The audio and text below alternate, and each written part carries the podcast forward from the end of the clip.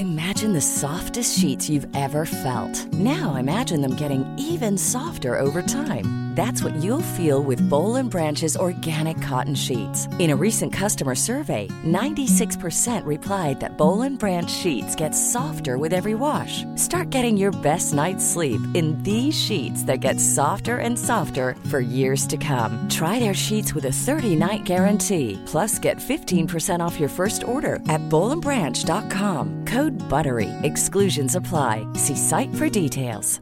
Mother's Day is around the corner. Find the perfect gift for the mom in your life with a stunning piece of jewelry from Blue Nile. From timeless pearls to dazzling gemstones, Blue Nile has something she'll adore. Need it fast? Most items can ship overnight. Plus, enjoy guaranteed free shipping and returns. Don't miss our special Mother's Day deals. Save big on the season's most beautiful trends. For a limited time, get up to 50% off by going to BlueNile.com. That's BlueNile.com. Morsning korsning. Morsning korsning. Mycket glad för förra veckans eh, feedback från alla er lyssnare. Ni tyckte att förra avsnittet var jättebra. Nej, men, alltså så kul. Vet du, det här är liksom själva berättigandet, tycker jag, med att podda. Att så här, kunna göra en bra podd och få liksom, ett bra gensvar. Alltså så här, för att tänk så många gånger man sitter och tänker så här vill jag att lyssnarna, eller följarna, eller tittarna, eller whatever it is, ska uppleva den här upplevelsen. Och så många gånger de inte upplever, vad man själv visualiserar och har framför sig. Men ibland så blir det den här lilla härliga samklangen. Och då blir man ju så lycklig. Alltså, det är så jävla härligt att kunna leverera en podd som folk uppskattar och förstår. Ja, jag fattar.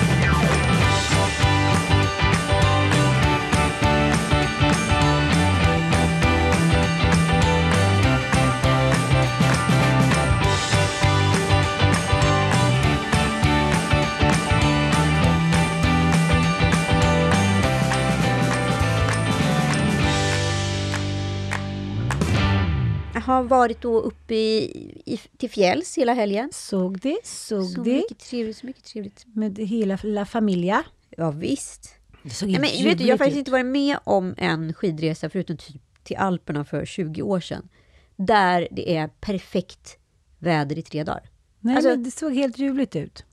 Mellan 8 till 10 grader minus, krisp, Mm. alltså perfekt fjällluft, inte ett moln så långt öga kan nå, vindstilla. Mm. Va?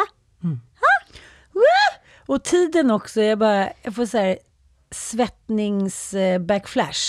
När jag åkte själv till fjällen, när killarna var, kommer ihåg, det var när jag separerade från Nanook. Det är alltså, måste vara 11 år sedan. Hur gamla var de då?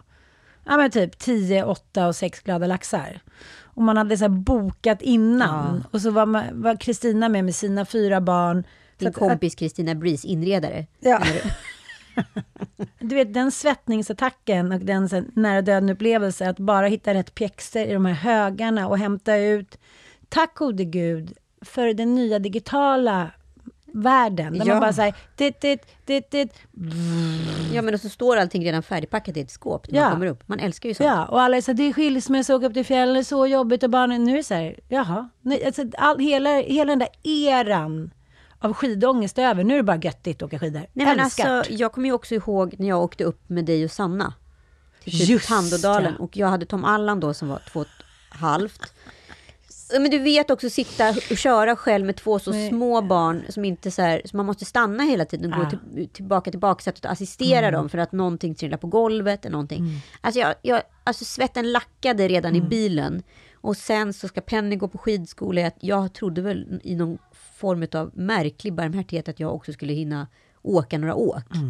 Sen har jag då Tom Allan som absolut hatade snö.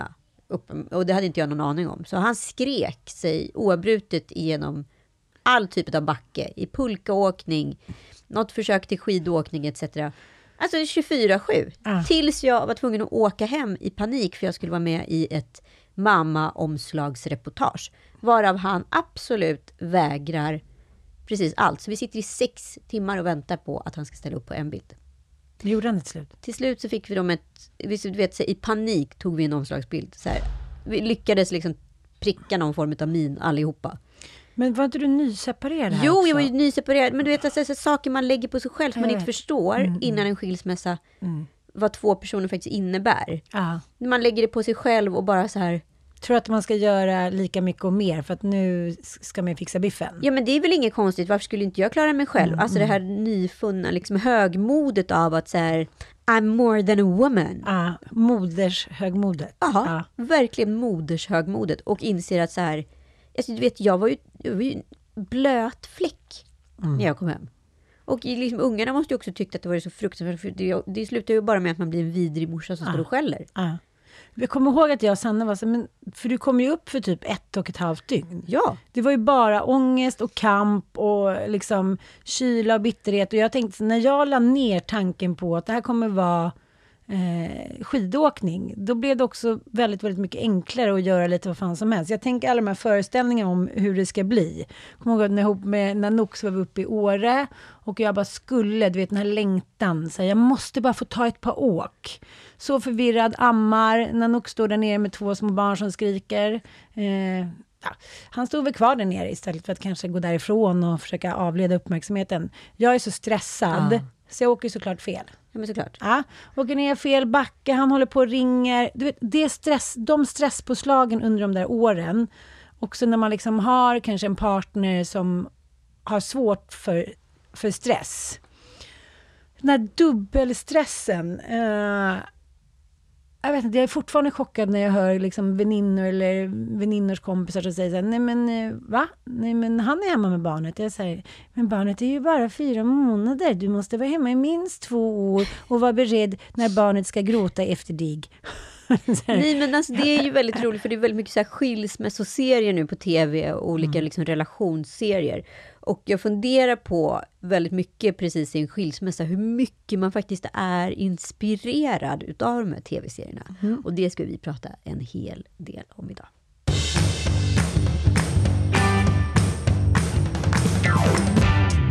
He wasn't supposed to fall for someone else. I can't ever just stick with meaningless sex. My client wishes to spend one night a week in the family home. Tread carefully. Is that a threat? Ja, det här var ju en eh, scen ur eh, tv-serien The Split. Just det, den som Mm. går på SVT nu. Precis. Eh, den handlar ju om Hanna Stern, som är skilsmad, skilsmässoadvokat. Hon har ganska nyligen börjat på en, eh, en firma då, där det är liksom en ärlysten advokatfamilj som eh, har den här firman. Så det är väldigt mycket internt och ja, komplext ska man säga. Och eh, när hon börjar då på den här advokatfirman i samma veva så liksom, bestämmer hon och hennes man att de kanske ändå ska skilja sig nu. Hon har varit otrogen med en kollega.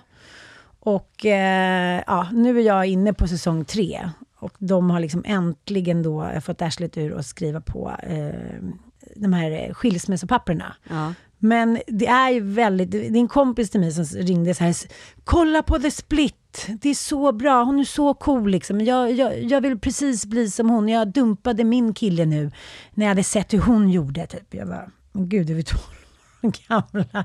Och så tänkte jag så här, man blir ju extremt influerad av liksom både sånger, filmer, böcker och tänker så här, okej, nu copycatar jag det där och så bara gör det. Det kan få en liksom puttas över eh, gränsen och så kanske man efteråt blir lite så här, jaha, men det kanske inte var jag som gjorde slut nu, eller jag som gjorde det, det kanske var Hanna Stern. Ja men det är ju det som är så konstigt hur man kan gå in i, liksom, jag vet att det var, kommer ihåg när tv-serien Skam gick? Ja, Att det var liksom jättemånga som då började ifrågasätta sina egna relationer och ville ha så en yngre härlig snubbe. Kommer du inte ihåg den här typ 16-åringen som var liksom alla liksom morsors hunk? Alltså det var ju helt hemskt.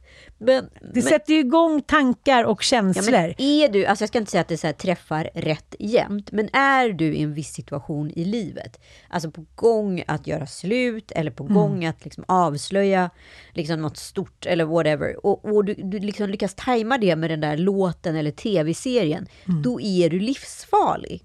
Jag hade en kompis som var sinnessjukt otrogen mot sin tjej.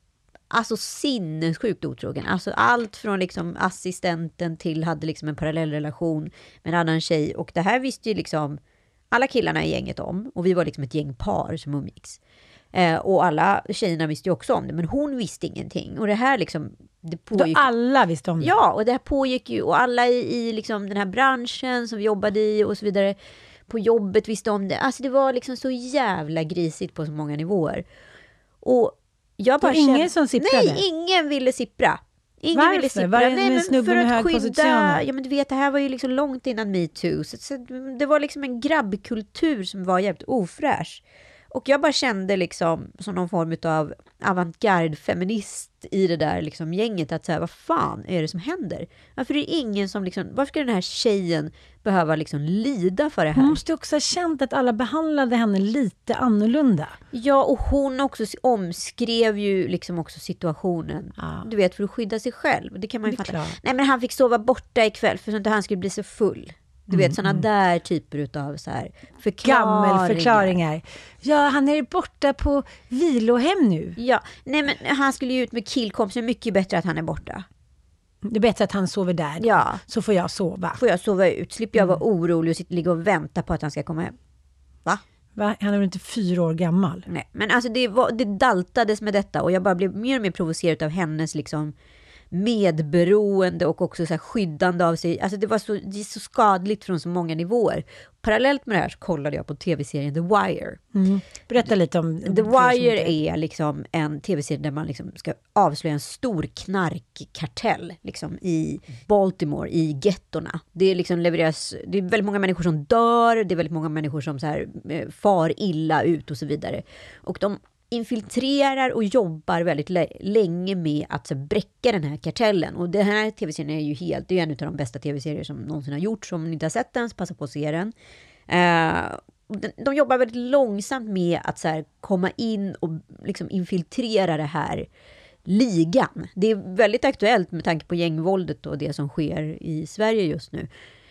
Jag blev så jävla inspirerad av det här. Jag bara kände, och ju mer liksom, närmare vi kom liksom, det stora revealen i den här serien, så bestämde jag mig för att jag skulle konfrontera den här tjejen och avslöja det här. Mhm. Samma dag som jag avslöjar det här har hon fått reda på att hon är gravid. Nej, vänta, vänta. vänta. Okej. Du kommer dit, du har liksom, du har typ så här en Gloshno pickadoll i fickan. Så här, nu jävlar ska du göra upp med de här dammiga, den här dammiga jävla soppan. Jag Du ska möter vara också henne på en neutral plats. För att liksom så här, du måste, så här, han är otrogen mot dig. Han ligger med henne, med henne, med henne, med henne, med henne. Du måste vakna nu. Så här, snälla, vakna upp och smäll the coffee liksom. Hon är så chockad över den här informationen. Hon berättar inte för mig att hon precis fått reda på att hon är gravid. Men tror hon dig? Hon är ju i absolut totalt chocktillstånd. Och sen så liksom lämnar jag henne där. Hon går hem och berättar för sin snubbe vad jag har sagt. Han ringer mig, såklart är helt jävla galen. Hon berättar då för en kompis kompis att hon är gravid och att jag har gjort det här. Självklart så vänds ju den här situationen mot mig. Hon är ju så pass medberoende, vilket är så jävla Ja. korkat av mig, att inte avdechiffrera det liksom på något sätt. att liksom bara låta förstå att så här, det, hon är lost case. Så det är ju bara att jag får ju kalla handen och bli liksom totalt utfryst och sen så hon och hennes kille lever på och har ju, är ju fortfarande ihop och har barn. Liksom. någon som inte har varit liksom inne i medberoendesvängen, dels kanske sett den, dels insett vad den gör med människor, kan aldrig förstå de klorna som man hamnar i. Nej. För att på riktigt så tror man inte att man är i det där kletet. Man har, liksom, man har levt i förnekelse och i djävulsdans så länge. Så att det här kanske låter så himla konstigt när man lyssnar på det, att hon var så här, jaha, nej, det är du som har varit elak nu, men det här är ju vanligt. Jag skulle konfrontera en tjejkompis som blev misshandlad och hon liksom vände alla ryggen och fortsatte att leva med honom. Han har liksom huggit henne i benet. Nej, men det var så här, på en galenskapsnivå som var så hög. Att man går in i det här farliga också romantiserandet av relationen. Ingen förstår egentligen hur bra vi har det, hur kärleksfull relationen är. Det ska vara så här dramatiskt, annars är det inte riktig kärlek. Det ska Ja, kännas. men man är ju verkligen sjuk. Ja. Så att när man ser så här ibland på tv eller kvinnor som stannar kvar och så är det liksom kända män och rika män, trots att allt är så uppenbart alla vet, så ser man ju på den här människan att hon är ju hjärntvättad. Ja. Det, liksom, det finns ingen verklighetsbalans eller verklighetsakt i det här, utan alla andra som kommer in och säger någonting om den här bubblan eller förnekelsen är ju fiender och liksom farliga.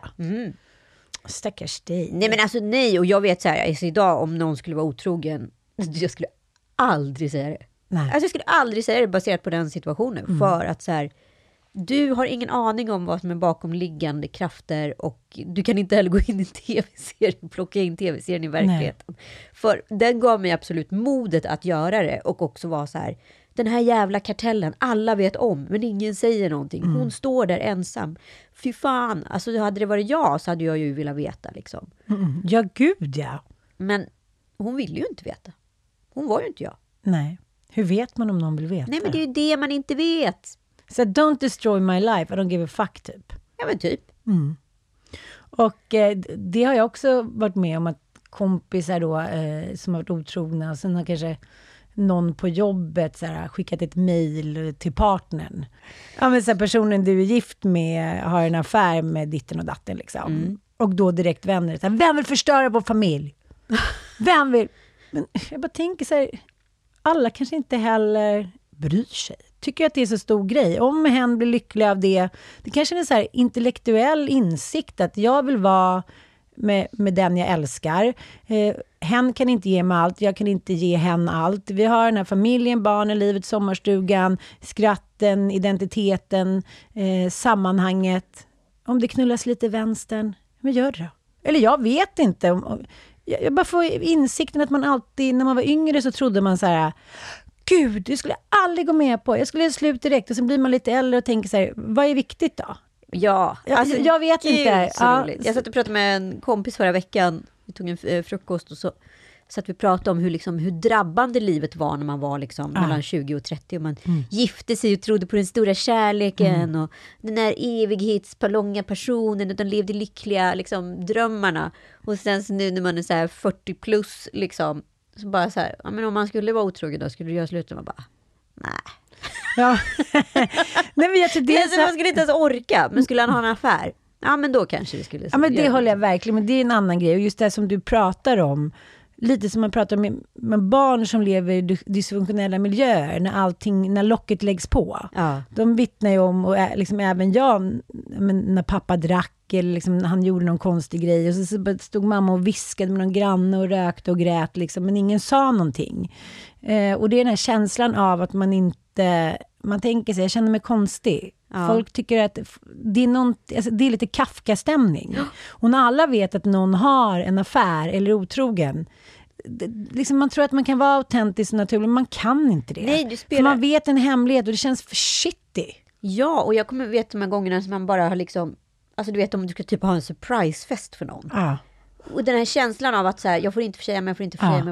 mig. Och så blir man konstig Ja. I processen. Ja. Och gärna om det, om det skulle exempelvis vara du när du fyllde år i, i somras liksom, Mm. och vi hade ordnat en surprisefest. för dig. Det kändes ju liksom som att jag gick runt och bar på en otrohetsaffär. Mot det. Ja men det är en så Mm. Ja, konstig fattar. känsla. Ja. För det är exakt, det går ju att identifiera den så här, att nu ska jag spela normal med Ann. Allt Mm, När man är så vara- nära är det också väldigt svårt. Om man har gått igenom väldigt mycket så är det så en liten känsla. Så är det så här, är som, varför är det konstigt? Varför, är det inte så, varför, varför håller du på så där? Men däremot så tror jag att jättemånga personer går igång på just det. Precis som man kan få liksom en kick av att sno lite lösgodis. Alltså du förstår den här lilla, lilla kicken av att äga situationen. Jag tror att den kan vara otroligt frestande för liksom riskbenägna personer. Att så här, jag kan manipulera världen, jag kan leka gud. Liksom. Det tror jag med. Och samtidigt så är det så här, man ska ju heller inte underskatta eh, intaget av alkohol som jag tycker på något sätt ibland försvinner iväg lite. Ja, det Eh, pratar man gärna inte om. Nej, utan så här, om ingen skulle liksom supa ner sig så skulle ju ingen heller vara otrogen. Nej, inte i samma utsträckning i alla fall. Men jag tänker också när man kollar på skilsmässostatistiken så är det ju så extremt tydligt att människor med högre inkomst skiljer sig i mycket, mycket, mycket mindre utsträckning. Ah, Ja. okej. Ja, men för att det, det blir så jävla körigt. Det är sommarstuga, det är företag och det är villa på liksom Lidingön och det är ungar som spelar tennis. Alltså, det, det blir liksom, när man tappar äktenskapet så tappar man så otroligt mycket av identiteten. Ja, men också så här, det man inte förstår, det jag inte liksom tänkte på, för jag kände mig så jävla hög på mig själv när vi separerade, liksom, och var så här, jag kan klara det här, jag är en modern kvinna. Det är ju också att man så här tappar kanske fem, sex år karriärsmässigt.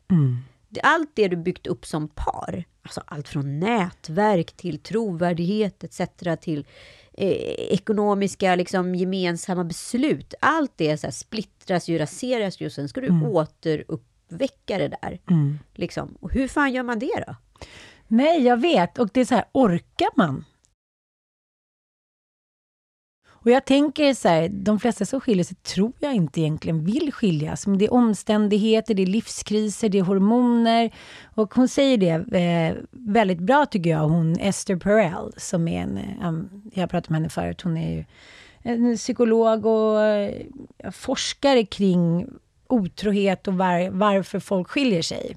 Och hon har ett TED-talk där hon pratar om så här, måste otrohet vara slutet på en kärlek, liksom den nya otroheten.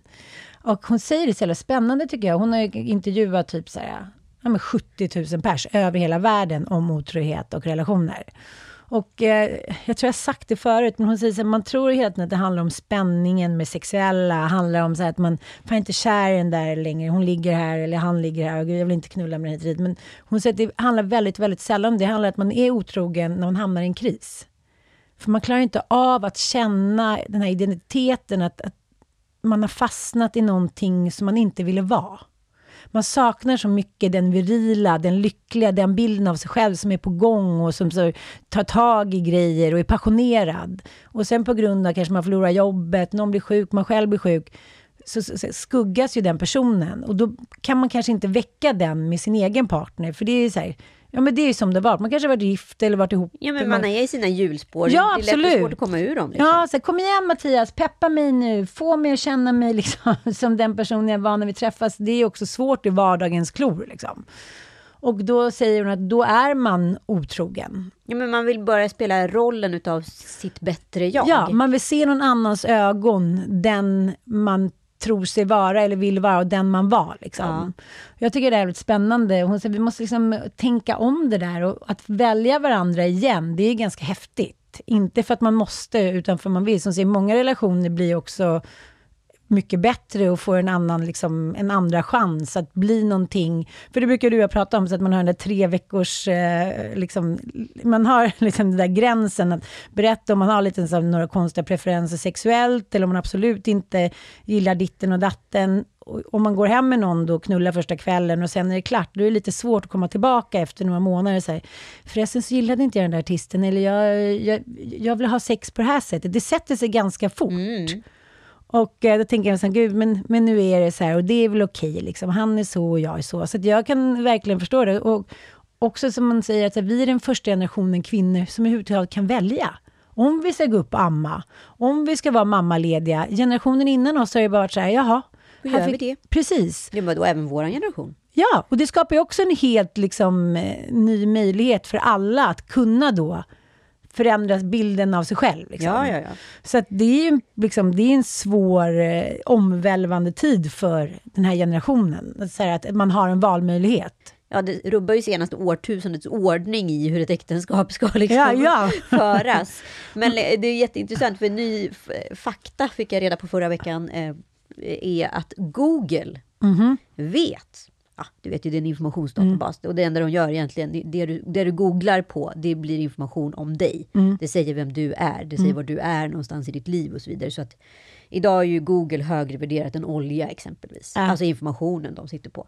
De vet i alla fall fyra månader innan du själv vet det, att du ska skiljas, baserat på dina sökval. Intressant. Mm. Och då tänker jag så här, jag tänker också att det är så lätt att se på sociala medier. Det har vi pratat om förut, Ja. att man börjar se liksom, när folk börjar lägga upp lite mycket så här, selfies och kroppsbilder. Åh, det råkar vara en liten, lite, man ser lite sideboob där, eller oj, Mm. Man är råkar- ute väldigt mycket. här råkar det vara en liten bicep i bild när det kommer Mm. till snubbar. Och helt plötsligt man tränar, man kan köpa lite nya kläder, lite ny stil. Reelsen får också en helt annan karaktär. Man lägger ut sådana referenser till liksom de man tycker är spännande att titta på just nu, eller citat. Ja, men vet, jag kommer också ihåg ja. jag, att jag började så här, kolla på killar. Förstår du? Jag hade inte liksom sett en man på tusen år när jag och Kalle var ihop. Liksom. Mm. Så plötsligt börjar man se män och tänka på så här, oj, en snygg man. Ja. Alltså, jag har liksom, man har inte tänkt på en snygg man på tusen Han år. går som en karl. Han ser... Nej, men, och liksom så här, typ så började följa snygga killar. Du bara, muskelkillarna.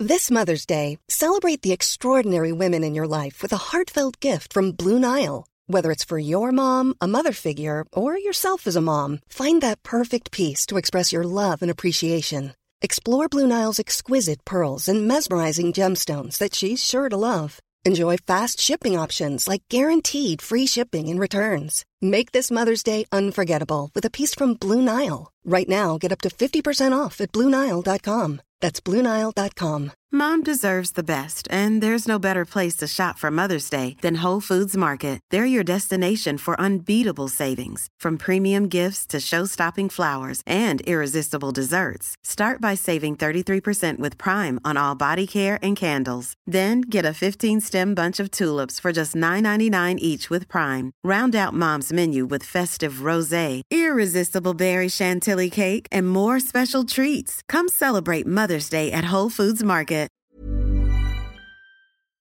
Precis som då våra riksbögar Jonas och Mark som då står för veckans skilsmässa. Blev du chockad? Jag vet inte. Jag blev inte så ledsen. Jag kanske borde blivit. Varför skulle du ha blivit ledsen? Nej men det verkar ju som, alltså går man in på liksom Mark Levengoods Instagram, där det verkar som de flest personer har gett små kondolenser, inklusive du Ann Söderlund. Och Lisa Nilsson. Allt Lisa Nilsson. Så verkar det som att det här är liksom lika med någon form av, alltså, en, Ja, en kunglighet. Le. En kunglig Le skilsmässa. petit meur, den lilla döden liksom. Ehm, här står det då, det är med stor sorg som vi efter ett långt liv ihop idag meddelar att vi separerar. Vi kommer dock fortsätta vara gifta och få hjälp och försöka reda ut det som varit svårt och trassligt. Sänd varma tankar till oss, dock kommer vi med hänsyn till vår familj inte svara på några frågor ber om respekt och förståelse för detta.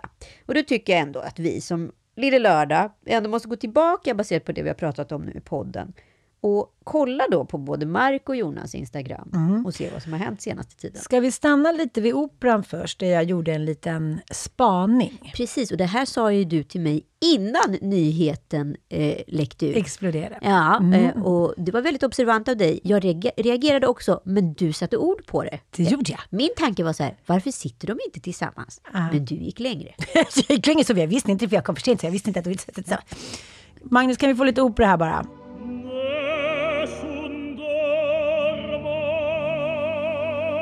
Ja, både du och jag var ju på eh, Operans 250-årsjubileum häromdagen. Jo My- tack. Vi ska berätta mer om det sen, bland annat klänningen som föll samman inför kungens blick. Nej, men då eh, efteråt så var det ju mingel och vingel i eh, guldrummet och i foajén där. Och då noterade jag, som den relationshök jag är, eh, att eh, ja, men Mark var ju där med sin dotter Olga, som har gått i Dantes klass, jag känner ju till henne. Eh, och de stod liksom lite i ett hörn och konverserade, tyckte jag, en aning ansträngt. Du vet när pappor ska föra samtalet och liksom dottern då svarar lite enstavigt. Ja. Och så såg jag liksom i närheten där som en liten fisk som simmade omkring så var då Jonas. Och vi brukar hälsa på varandra, även jag och Mark, men det var väldigt, det kändes som att det var någon stress i luften. Och Jonas gick omkring, han var ju nära dem, inom raden av kanske 4 till 30 meter hela tiden. Det är ett bra avstånd. Ja, men jag höll ju koll på det här, för jag tänkte att det är någonting som är real fishy. Nu, nu är det något som har hänt. Oj, liksom. oj. Så jag höll ju koll på dem där hela kvällen och eh, de närmade sig inte varandra. Nej. Mm, och eh, Jonas gick inte ens fram till sin dotter. Och då sa jag det till dig och så dagen efter så kom det här på Ja, och då Instagram. ringde du mig Ja, som en liten glad journalist. precis. att du hade spottat där. Men det, är ju, det blir ju ändå liksom... Det är ju konstigt när man, man har det på känn. Ja, men- jag tänker så här. Jag tycker ofta man kan ha sånt där på känn. Jag kommer ihåg, eh, vi har några kompisar, så vi umgicks med en familj.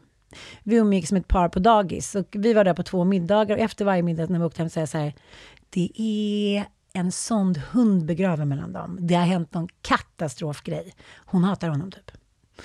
Och eh, Mattias sa så här, men sluta, gud, vi ska hålla på hela tiden, drama typ. Och sen visade det sig att det hade hänt liksom, men saker som jag kan verkligen inte ens återberätta det, men tuffa grejer. Ja.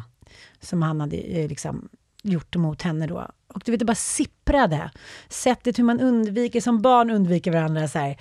Du vet, Ja. nästan böjer sig, vinklar som akrobater när de liksom är sura på någon eller är sårade på något sätt. Och sättet man tittar på varandra, hur den andra försöker blidka, men det finns liksom ingen reson. Nej. Kroppsspråket säger allting, men, men så var det här. Och sen visar det sig då, mest för att eh, eh, Jonas sipprar då, Ja. på ett sätt som jag lite förvånad över. Alltså. För det är som du säger, de är ju en riksangelägenhet. De har ju förändrat liksom, klimatet för alla homosexuella, för alla i hela Sverige genom att vara så här öppna som de är. Liksom. Gud ja. De är ju alltså- älskade, de är ju folkliga som satan. Och så händer det här och Jonas, det är svårt för Jonas, men vi börjar med Mark.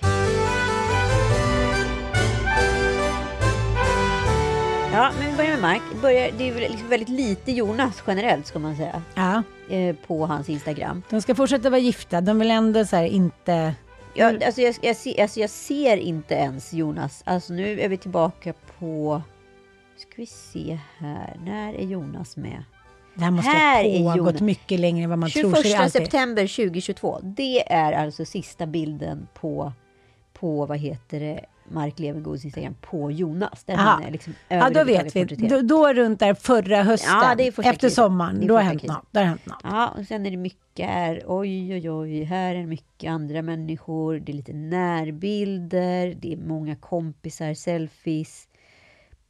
Någonting säger mig att han har en in- inofficiell Instagram också. Så kan det vara. Så kan det vara. det var därför kanske som för jag reagerade att Mark inte var konferencier på årets hjältargala. Nej, sen är det liksom mycket porträtt nu. Och det ser ut som att det är någon som har varit i solen, fått lite färg och så tränat upp sig lite. Mm, bra Ser bra väldigt axlar. bra ut, ser väldigt bra ut, ser väldigt bra ut. Det är också en tydlig indikation att det är antingen eller. Antingen så dekar man ner sig, sitter hemma och liksom äter upp sig och känner så här, "Mm, jag får ta tag i det här sen, efter skilsmässan. Eller också börjar man ganska tidigt. Precis. Jag fattar att jag ska ut på marknaden snart. Nu gäller det att fiffa, fixa rattarna, eller liksom träna, få upp lite muskler och ballersfjonka. Så man kan ju ta två vägar. Ja, nej men och sen så är det ju liksom så här uppenbart att det är, eh, det är Mark som har valt att lämna. För börjar man då gå in på de här olika inläggen som Mark har lagt upp sista tiden, då har Jonas Gardell kommenterat helt öppet. På en bild då på ett porträtt på Mark där han eh, är med i Musikhjälpen, att stå och le klockan sju på morgonen. Ibland känner man liksom att någonting håller på att gå sönder. Men vad gör man inte för Musikhjälpen? Strax in i buren. Och då säger Jonas Gardell, någonting kanske också har gått sönder.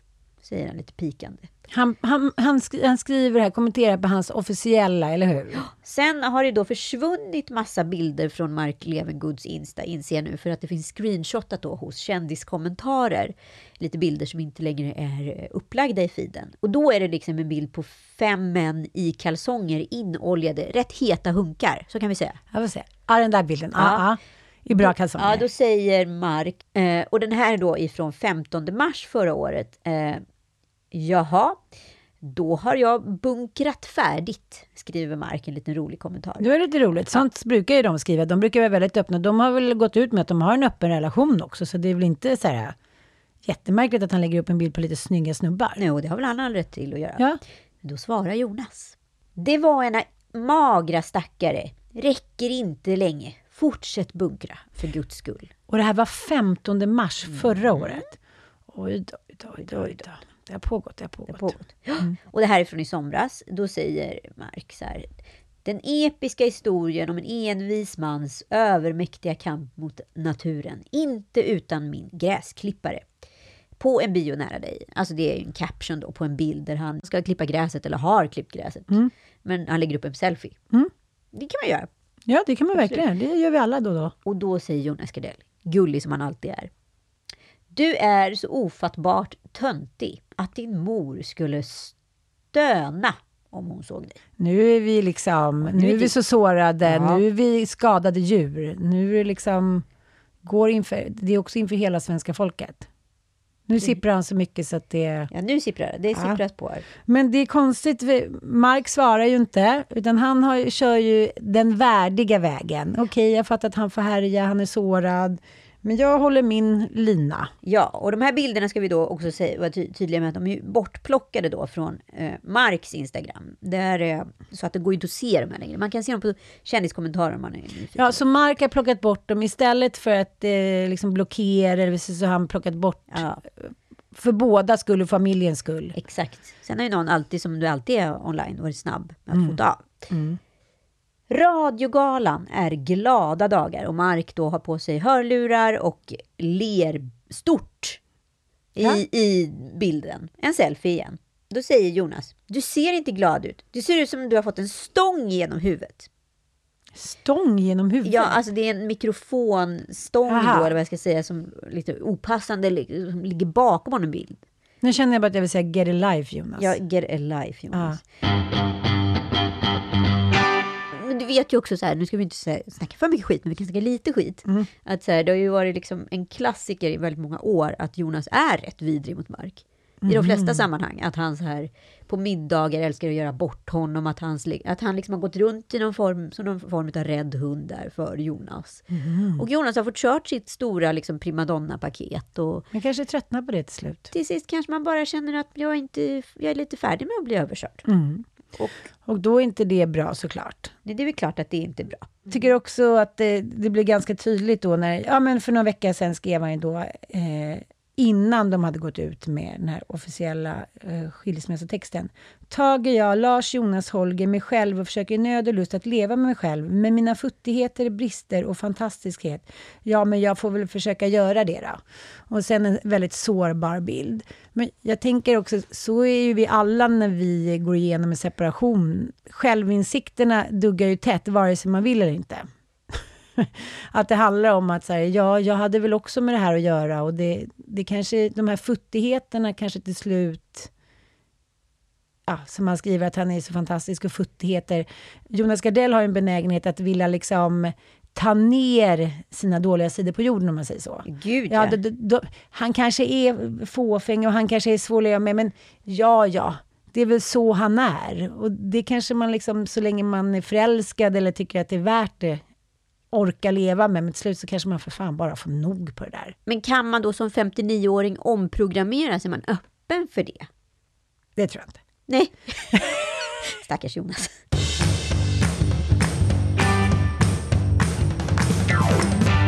Det är ju väldigt, väldigt härligt att gå på jubileum tycker jag. I, i anrika institutioner. Ja, men jag har ju verkligen sett fram emot det här. Alltså inbjudan kom ju långt innan jul och det kändes lite som så här, lilla Ellegalan med pompa och ståt. Det känns som nu jävlar drar vi på här. Operan fyller ändå 250 år och jag älskar ju att gå på bra opera eller ballett när det bjuds på det. Dessvärre gör jag det alldeles för sällan nu för tiden. Det fanns en tid i mitt liv då jag var väldigt duktig kulturbärare. Det är mitt nyårslöfte. Jag satt och pratade med en kompis igår om hur mycket jag gjorde med mina små killar. Ja. Det var museum varje helg och det var hit och. Sen tröttnar man ju på det såklart. Att så här, jaha, men barnen verkar ju bara vilja springa omkring och sno kladdkakor. Okej. Men, men ett tag tyckte jag att det gav oss alla någonting. Men sen så tänkte jag så här, gud, har jag varit med barnen på... Vi brukar ju vara på Tekniska museet. Men jag var liksom, jag var på Moderna, det var sjö, det var varenda museum, teater hit och dit. Mina två nya barn, alltså de vet ju inte ens vad kultur betyder. Det är...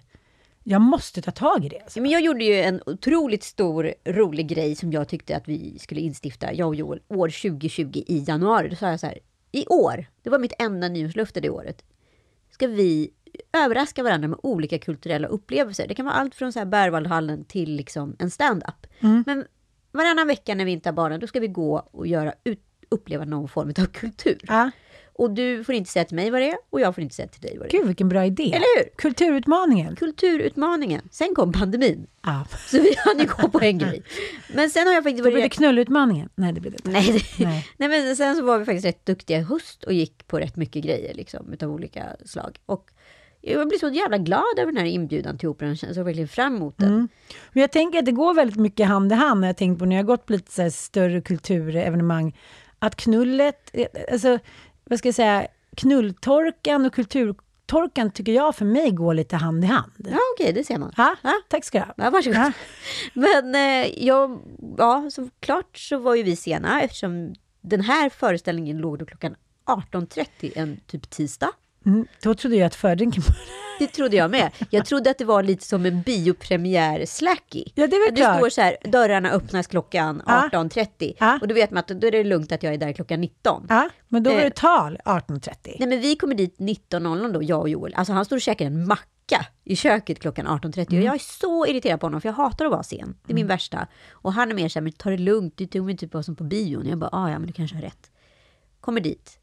Oj, vad sena ni är. Kungen har redan gått in. Mm. Så går in och går upp och inser då att så här, kommer ensemblen fram och bara, nej ni kan inte gå in nu, vi ska sjunga kungsången. Kungen står på scen och håller tal. Hur kan ni komma nu? Jag får utskällning utan någon, lite så här små, lätt liksom. Och, ja, jag ber om ursäkt, ber om ursäkt, ber om ursäkt. Va, va, varför går ni inte in för? Nej, för att jag precis, precis direktivet av en annan person att stå kvar. Och så står de där och börjar sjunga kungsången och jag bara så här, jag vill typ dö. Det här är min värsta grej. Komma sent till en föreställning utav den här sorten. Det är så jävla respektlöst. Men då blir jag glad. För det fanns en person som kom senare. Kommer frugan 20, min- 20 sekunder senare. vi var ju samma, vi var hemma. Eh, Christian fixade en Negroni till oss, vi sminkade oss, bytte lite kläder. Ska jag ha den här? Du och din kompis inne i SCN. Ja, förlåt, förlåt, ni är inte inne i min hjärna. Vi, vi var liksom ganska uppe i varv för det här. Det kändes som att just nu i den här svarta januari så var det här ett litet irrbloss av lycka. Ja! Så jag kommer där, liksom fotograferna ska precis, eh, ah, hoppas ni får komma in nu. Jag var så här, det var som att få en liksom liten kunglig lavett i käften. Eh, jo tack, det var Ja. en sammetshandske rakt Ja. över kinden. Hoppas ni blir insläppta då. Jag bara springer upp, då står du och Joel. jag bara... Men jag håller med dig, det var inte snyggt. Och så går jag in och sätter mig och då sitter Per Sinding Larsen eh, där och jag var så här, tjena tjena, så det kändes lite bättre. Men sen så skulle jag säga någonting till Ninni, du vet, jag fick en sån avhyvling för gubben bakom, han bara Håll tyst! Du vet, jag skämdes så mycket. Jag Ja. kände, det var som att jag var fem, nej inte ens fem. Nej, jag vet inte om jag någonsin har känt mig så tillintetgjord och liten och patetisk som jag gjorde. Först för sen ankomsten, kungen. Och sen håll tyst! Och, sen, Jag var med om exakt samma sak. ja, och då skulle Per Sinding helt plötsligt börja filma och fick på ljuset. Du vet gubben bakom, han ville så här, jag tänkte hade han Ankarströms liksom, eh, pistol så hade vi fått tre kulor. Då tänkte jag så här, det här är människor som går hit Ja.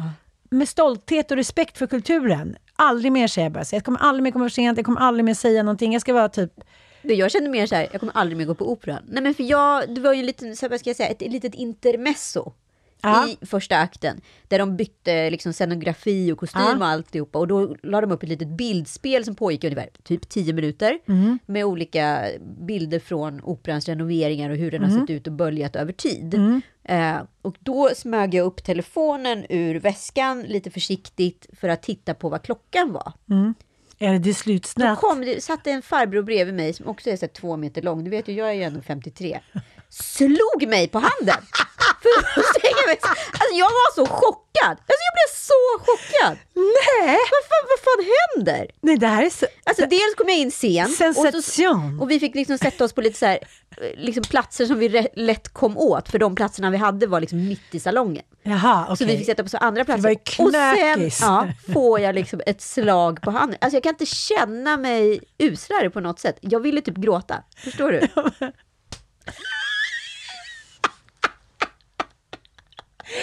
Nej, Så, så nej, nej, vi måste stanna den där här. obehagliga saken, du äckliga lilla influencer i, i din Nej, men väska. vänta här nu. Det här är så sensationellt. Kan vi bara spola tillbaka? Du sitter där med skammens skägg. eh, Du tycker ändå att det börjar bli lite Men du vet, man har så långtråkigt. här ymnig svett på tinningarna för man är lite sen. Ja. Och sen så har vi suttit där och liksom så här, jag ska inte säga att vi har lidit, men vi kanske Mm. inte har varit liksom alltså, slagna utav beundran och Joel har fått någon skrattattack och sådär för att han tycker att allting blir för stelt och konstigt. ja, och, och sen är det det här intermezzot då, ungefär en halvtimme in. Då vill du ändå kolla, så här, jaha, Vad är klockan? första akten, så här, men du vill ha lite koll liksom. Ja. Ja, men det fattar mig. Jag filmade ju till och med lite. Ja. Med blåkjolarna som jag tyckte var så snygga. Ja. Eh, då känner du, du känner bara instinktivt att han tar sig friheten som en gammal skollärare sent 1800-tal. Ja. Att så här, slå sin elev. Ah, Ja. han slog mig på handen när jag försiktigt, försiktigt lirkade upp telefonen ur väskan för att vinkla den försiktigt mot mig för att inte ha på liksom, ljusaste displayen. Så jag bara så här, kikar lite försiktigt. Det hinner, det hinner kanske bara bli en liten ljusöppning, du förstår. Liksom, mot mig. Det här är sensationellt. Alltså jag blir så chockad. Ja. Jag blir så fruktansvärt chockad och liksom uppskakad, omskakad och du vet så här. Jag önskar att jag bara hade funnit mig där och sagt liksom något jävligt vasst Mm, tillbaka. Men jag, du vet, det var så styvmoderligt behandlat så att jag har inte varit med om det här på flera år. Och sen var du tvungen att sitta bredvid att sitta misshandlaren hela... Den nobla misshandlaren. Och Joel är det en ny opera? och Joel fick föreställning? skrattattack igen då. Så att, och jag är så här. Såg du vad han gjorde? Liksom. Och Joel bara nickar, men han håller på att skratta så mycket så han vet inte vad som ska ta vägen. Det är så konstigt allting. Och sen är man i det där sammanhanget, sitter kungen och hela familjen där på, på sin lilla tron där uppe i logen liksom. Ja, Gud vad han applåderade. Ja, Han och Victoria, det var, jag tänkte de måste ju typ ha de är ju operans beskyddare. Det är klart att de måste göra det. Stackars jävlar, säger Men vad roligt är det där när, när, när kungafamiljen, där, apropå att vi pratar om att vi är royalister. Ja. Att där igen att man är fem år och står med liksom beundrans näsduk i handen och så här, kungen och drottningen är här. Är Nu kommer konstigt. familjen, nu kommer vi att överleva. Svenska nationen står fortfarande stärkt. Det är konstigt, så genetiskt nästan, när man fört in i vårt blå, blåsvarta blod. Ja, men så textade jag med lite kompisar som var där på föreställningen också liksom parallellt och de var också så här, det där var inte bra. För det var ju inte en bra föreställning. De hade ju då satt ihop någon form av potpurri från 250 år. Men de här personerna som har gjort det här, de är ju för liksom insyltade i operan. Så vi kan ju inte säga att det var bra. Jag, jag, är väldigt tacksam, en tacksam eh, gäst just nu på både det ena och det andra. Men det var en grej som jag tyckte var mycket, mycket jobbig. Det var två eh, skådespelare som... eh, Men fan hade skrivit det? Vet du vem som hade skrivit det? Nej. Vi måste förklara lite mer. Det var en med svåra Bergman-komplex. Ja, alltså det var ju så många fraser staplade på varandra så det var ju absolut ogreppbart att förstå vad de överhuvudtaget ville förmedla. Det var en, en, en, en medelålders kvinna och en eh, 30 plus, eh, två skådespelare som skulle vara lite... De skulle vara kulturella. Nej, men de skulle för, liksom förklara lite varför operan behövs. Ja, men alltså själva berättigandet. Men Precis. problemet är ju att i den här lokalen, för att attrahera ny publik till operan, så har de ju bjudit in människor som kanske inte har det kulturella spjärnet. Ja. Och då kanske man inte ska sätta sig liksom högst upp på den gyllene Mm. pedestalen och tala i någon form av kulturell tunga. För det gick Mm. överhuvudtaget inte till att relatera till vad de här två personerna sa. Nej, men ibland kan det ju vara att det flyger över huvudet, men det ändå makes sense, för att det är en, liksom, en kulturell höjd på det och en, det är en text som ändå talar till en, fast man inte riktigt förstår vad. Men, men det hade Martina Montelius inte lyckats med. Oj. Utan det var mycket hur och det ging, eh, det gängse, eh, sunkalonkerna, man ser hur, alltså det var helt Det var helt ogreppbart. obegripligt svavel. Ja, men också så här, jag kan ju tycka så här, du kan absolut ha ett högtravande språk om det är relevant. Men vad skulle det leda till? Men om man inte känner texten, Ja. varför ska då texten vara där? För den här var ju meningen att vi skulle så här, fånga in, analysera och känna av. Det enda jag satt och försökte analysera, det var så här, oj, nu kommer ett svårt ord på ett annat svårt ord på ett annat svårt ord. Jag skruvade så mycket på mig att jag fick brännmärken i röven. Ja. Alltså jag tyckte att det var så jobbigt. så Oj, att jag, oj, och sen oj. kom de tillbaka och då tror jag att de kände lite, dels behövdes stylist på många ställen där, eh, att så här, det här kanske inte flög. Jag tror nästan till och med att han, lavettmannen skruvade lite på sig. Ja. Och då tänker jag så här, man kan ju inte mota Olle i grind med kultur som flyger över huvudet, som flyger så högt att inte ens kulturbärarna inser vad som behöver sägas. Tyckte det var lite fel kungen. Det kändes som att han var lite bortkollrad där ett tag. I och för sig inte så svårt. Men Eh, ja, jag, vill ändå, jag tyckte ändå att det var en väldigt härlig kväll. Och du, jag fick en liten kort glitterklänning och du fick också ha... eh, Du hade först en klänning, sen eh, föll den klänningen samman. Vill du prata om det? Ja, alltså jag kände ju då lite under den här långa monologen att det var någonting i min långa omlottklänning som jag för övrigt hade som på själva rehearsal dinner sist, eh, när Carl Philip och Sofia gifte sig. Oj, oj, oj, oj, den plockade fram den gamla trasan. Så tog jag fram den gamla trasan och tänkte att det här passar för det här tillfället. Den här guldklänningen, underbar är den, underbar. Snygg. Ja, nej, då tänkte jag så att den här kan jag ju ha. Men jag hade ju liksom, i och med att jag var lite stressad från jobbet, hade jag inte riktigt provat ut innan och tänkt igenom min outfit. Förstår du? Det är sådana Ja, grejer som man ska göra för sådana här tillfällen. Ja, det ska man faktiskt. Nej, det hade inte jag gjort. Jag tyckte den var lite trängre lite över ryggen än vad den brukar. Men det såg bra ut i spegeln så jag tänkte inte mer på det. Sen kom vi Brösten dit kom väl fram, lite som väl, svalor som häckade. lite väl bra fram. höll på att kläcka. Höll på att kläckas. Hur som helst så kände jag att det är en liten så här, under själva sittningen när vi Ja. satt inne i salongen. Jag var så här, det där, det, det där var inget bra ljud. Mm. Men sen så kändes det inget mer och så tänkte inte jag så mycket mer på det. Sen när vi kommer ut i foajén då efter själva minglet, då eh, känner jag bara att det är någonting som verkligen känns fel. Precis när jag känner den känslan så blir jag liksom presenterad för en man som jag har träffat vid ett par tillfällen genom gemensamma kompisar. Och ska jag sträcka fram handen och hälsa, då säger det alltså pang! Den inre knappen har alltså, det är den som har gått upp under föreställningen. Den har alltså lossnat från sitt fäste. Och då är trycket på den yttre knappen på omlottklänningen alldeles för stort. Så den liksom flyger upp. Och där står jag i mina spanks och en bh. Mitt framför den här killen. Och den här bhn är också Det här är en transparent. famös kväll. Transparent. Man ser liksom att han blir väldigt Skandalen på Operan. han blev väldigt full i skratt och frågade om jag, om jag blev så glad att se honom, om det var det som var orsaken eller om det fanns någon annan orsak. Alltså jag ville, jag vet, jag, jag får så här, du vet, jag är ju inte... Jag är ju inte så bekväm i sådana här situationer. Men du vet, jag kan vara lite pryd. Men vem är bekväm med de här situationerna? Nej men där Jag kanske och skulle då. varit mer bekväm i och för sig. Jo, det hade du. Du hade kunnat så här, ha, ha, ha, ha, klacksparka till det. Självklart svarar jag ju rappt.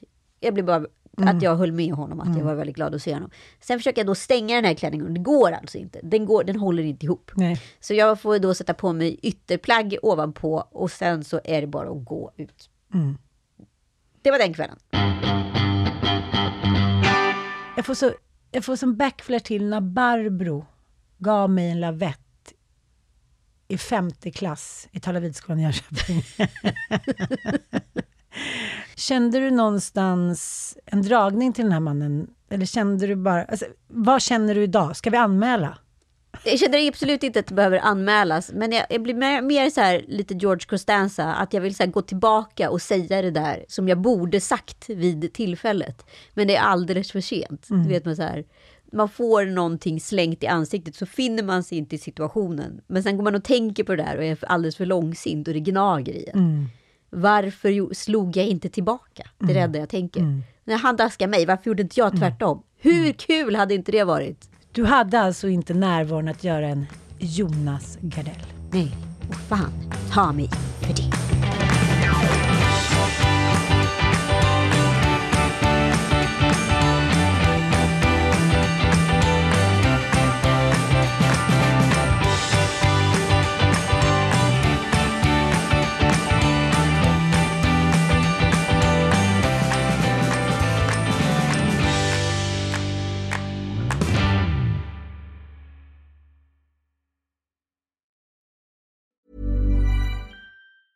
Normally, being a little extra can be a bit much, but when it comes to healthcare, it pays to be extra. And United Healthcare makes it easy with Health Protector Guard fixed indemnity insurance plans. Underwritten by Golden Rule Insurance Company, they supplement your primary plan, helping you manage out of pocket costs without the usual requirements and restrictions like deductibles and enrollment periods. So when it comes to covering your medical bills, you can feel good about being a little extra. Visit uh1.com to find the Health Protector Guard plan for you. Here's a cool fact a crocodile can't stick out its tongue. Another cool fact you can get short term health insurance for a month or just under a year in some states. United Healthcare short term insurance plans are designed for people who are between jobs, coming off their parents' plan, or turning a side hustle into a full time gig. Underwritten by Golden Rule Insurance Company, they offer flexible, budget friendly coverage with access to a nationwide network of doctors and hospitals. Get more cool facts about United Healthcare short term plans at uh1.com.